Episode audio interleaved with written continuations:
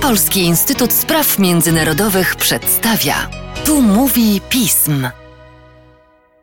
Tu mówi pism. Przy mikrofonie Mateusz Józwiak, a wraz ze mną nasz analityk, ekspert do spraw międzynarodowych relacji handlowych, Damian Wodnukowski. Cześć Damianie. Dzień dobry, cześć.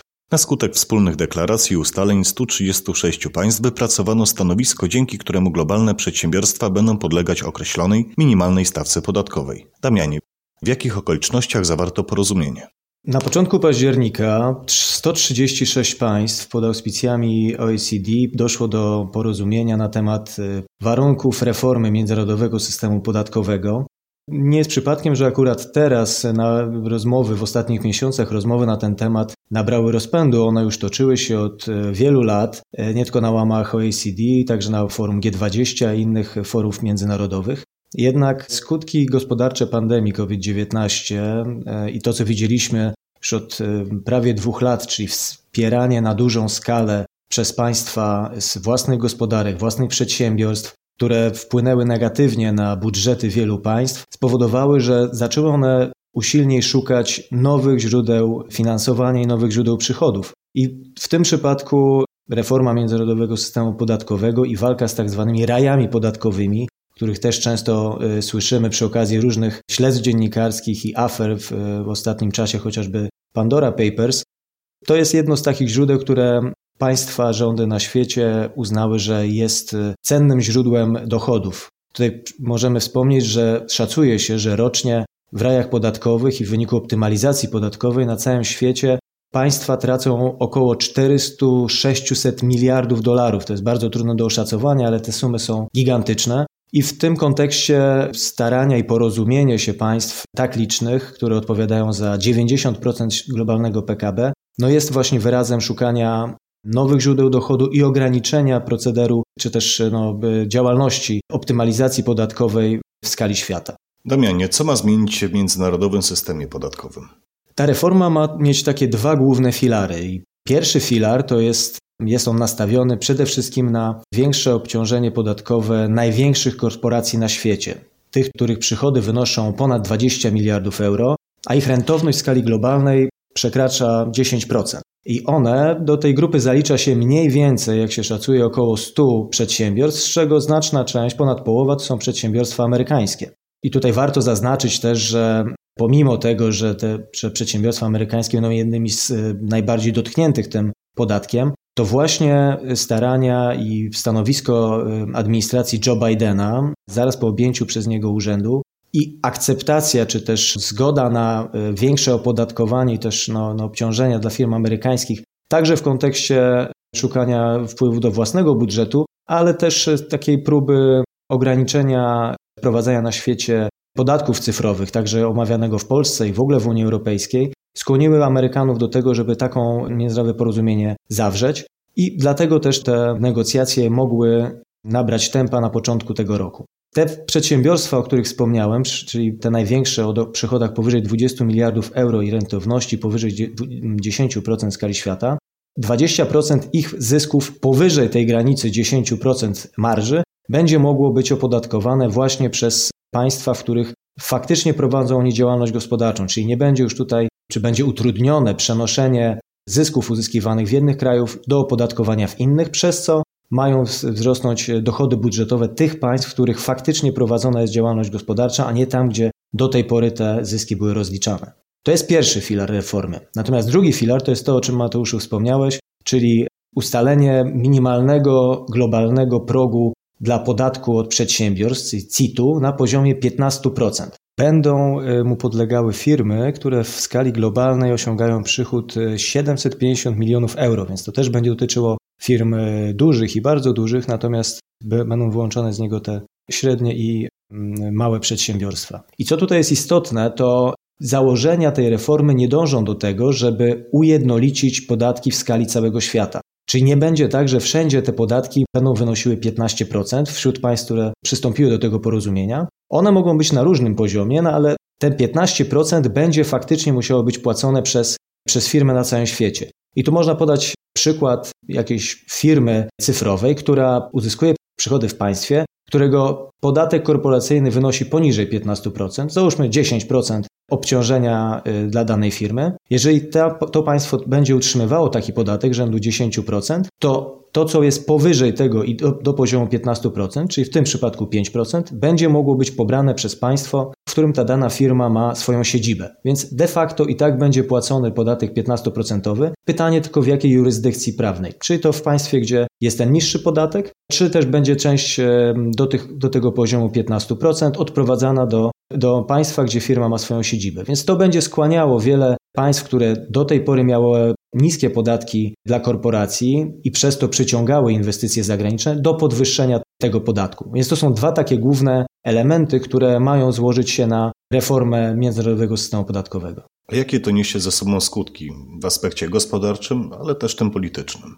Jeżeli chodzi o aspekt gospodarczy, to szacuje się obecnie, że z tego pierwszego filaru, czyli z e, opodatkowania największych przedsiębiorstw, najbardziej dochodowych, mniej więcej 125 miliardów dolarów rocznie będzie mogło być poddane dodatkowemu opodatkowaniu właśnie w państwach, gdzie te firmy największe prowadzą swoją działalność. Jeżeli chodzi o drugi filar, czyli ustalenie tego minimalnego progu podatkowego na poziomie 15%, tu szacuje się, że w skali świata będą to zyski około 150 miliardów dolarów dla budżetów poszczególnych państw, gdzie jest prowadzona działalność. Jeżeli chodzi o Polskę, tutaj są dość różne szacunki, ile polski budżet mógłby na tym zyskać. Podaje się kwoty od 800 milionów euro do nawet 3, ponad 3,5 miliarda euro, więc to w zależności od tego też, jakie będą szczegóły tego porozumienia. Co jest też istotne i to podkreślają e, przywódcy, którzy przystąpili do tego porozumienia, ma być, ma być zwiększona przewidywalność międzynarodowego systemu podatkowego, czyli już będą przynajmniej te ramowe warunki prowadzenia działalności gospodarczej i opodatkowania ustalone i to dla prowadzenia biznesu jest rzeczywiście dużą wartością. Jeżeli chodzi o efekty polityczne, no to trzeba powiedzieć, że rzeczywiście porozumienie w tak szerokim gronie państw, aż 136, w tym obejmujących, co ważne, wszystkie państwa G20, czyli największych gospodarek świata, stanowi pewien sukces multilateralizmu i współpracy międzynarodowej. W czasach, kiedy szczególnie po okresie prezentury Donalda Trumpa w Stanach Zjednoczonych i w ogóle narastaniu takich tendencji no, jednostronnego działania w skali świata i dość niewielkich sukcesów na arenie we współpracy multilateralnej, takie porozumienie rzeczywiście jest e, dobrym sygnałem, że jednak porozumienie dużej grupy państw na ważny temat, który będzie rzeczywiście sprzyjał ich gospodarkom, jest możliwy. Co prawdopodobnie się stanie też, to będą łagodzone różnego rodzaju napięcia pomiędzy państwami na tle właśnie kwestii podatkowych, gospodarczych, gdzie e, ta optymalizacja e, przyczyniała się też do pogorszania relacji politycznych, ale z drugiej strony na polu polityki wewnętrznej no, będzie w pewnym stopniu ograniczała jednak możliwości państw do kształtowania polityki podatkowej, czyli jednego z głównych elementów polityki gospodarczej. Więc to w jakimś sensie też będzie e, no, niektórym rządom, które przystąpią do tego porozumienia i do umowy, która ma być jego następstwem, będzie ograniczała pole manewru, jeżeli chodzi o politykę gospodarczą, ale zakłada się, że wiele państw skorzysta na tym rozwiązaniu poprzez wyższe wpływy budżetowe, a przez to też możliwości większych wydatków publicznych na cele odbudowy gospodarek po, po pandemii.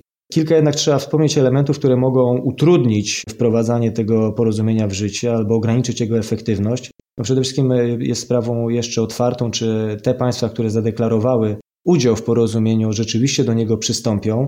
Chociażby Stany Zjednoczone, które, tak jak wspominałem, były jednym z tych motorów napędowych rozmów w ostatnich miesiącach, tam wewnątrz elity politycznej w kongresie też są bardzo różne podejścia do kwestii tego, jak taki podatek międzynarodowy traktować jaki będzie miał wpływ na, na konkurencyjność firm amerykańskich, więc nie jest do końca przesądzone, czy on zostanie zaakceptowany w USA, chociaż e, wiele sygnałów płynących z tamtejszej administracji wskazuje na to, że, że jednak to się stanie. Natomiast no, Prawdopodobnie w toku dalszych negocjacji, bo to jeszcze będzie usta będą ustalane, tak jak powiedziałem, szczegóły porozumienia, będzie nacisk różnych państw na wyjątki od tej umowy, różnego rodzaju ulgi, które będą przyznawane przedsiębiorstwom, chociażby tym, które inwestują w rozwiązania proekologiczne, czy te, które zatrudniają dużą liczbę pracowników, więc tutaj jeszcze może być sporo wyjątków e, od umowy. E, oczywiście wdrażanie jej też, tak jak ona zostanie ustalona, też oczywiście stoi pod znakiem zapytania, jak poszczególne państwa będą jednak chociażby w kontekście wprowadzanych ulg, które nie będą objęte porozumieniem, jak bardzo będą chciały też e, literalnie i dokładnie wdrażać tę, tę umowę. I może to też niektórzy ekonomiści wskazują na to, że część z tego, co przynosiła optymalizacja podatkowa przedsiębiorstwom, było inwestowane, te środki były inwestowane w, w różnych państwach, dzięki czemu przepływ bezpośrednich inwestycji zagranicznych pomiędzy państwami e, był dość znaczący w ostatnich e, latach przedpandemicznych, to sięgało nawet mniej więcej 2 bilionów dolarów rocznie. Pandemia, jak wiemy, mocno uderzyła w e, inwestycje, a odbudowa gospodarcza tych inwestycji będzie wymagała. Więc niektórzy sceptycy twierdzą, że wprowadzenie takiego podatku może ograniczyć przychody firm, co, co tutaj jest jednym z tych, z tych głównych założeń reformy, ale też ograniczy ich przez to ich możliwości inwestycyjnych, co może osłabić możliwości gospodarek do odbudowy popandemicznej. Jaką rolę w uzgodnieniu tej reformy odegrały oprócz G20 też Organizacja Współpracy Gospodarczej i Rozwoju?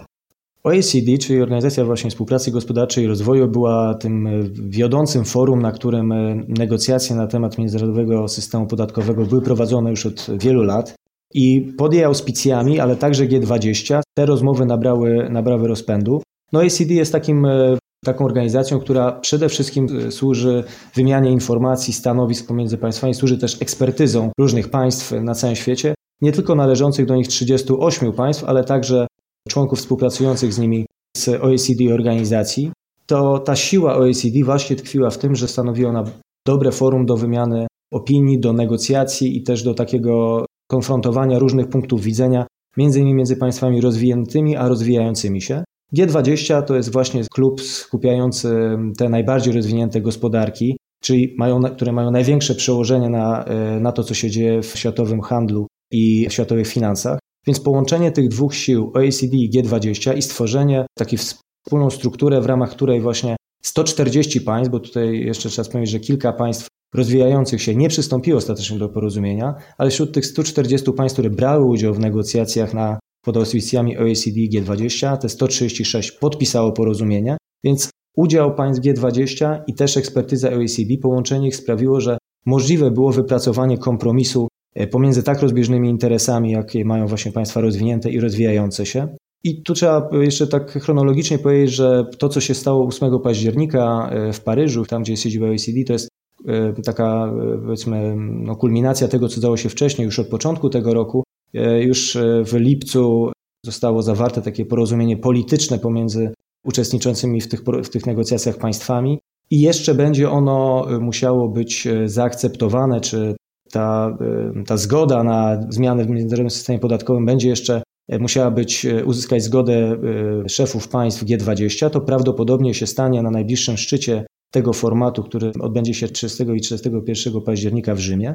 Więc to, co się stało teraz w październiku, jest ukoronowaniem tych wieloletnich prac na forum OECD z udziałem G20 i także z włączaniem państw rozwijających się do tej formuły, aby także one, które no, często na tej optymalizacji podatkowej wielkich koncernów traciły, także żeby one miały zyski z tych zmian. Więc tutaj pokazuje to po raz kolejny, że jednak multilateralizm w tych zagadnieniach, które mogą być istotne dla wielu państw, szczególnie w tak newralgicznym momencie jak odbudowa popandemiczna, może jeszcze uzyskać, uzyskiwać znaczące sukcesy. Szanowni Państwo, reformy, zwłaszcza te globalne, budzą i będą budzić duże zainteresowanie. Przed nami interesujący czas, któremu wspólnie będziemy się przyglądać i mam nadzieję komentować w naszych podcastach. Tymczasem dziękuję Ci, Damianie. Bardzo dziękuję.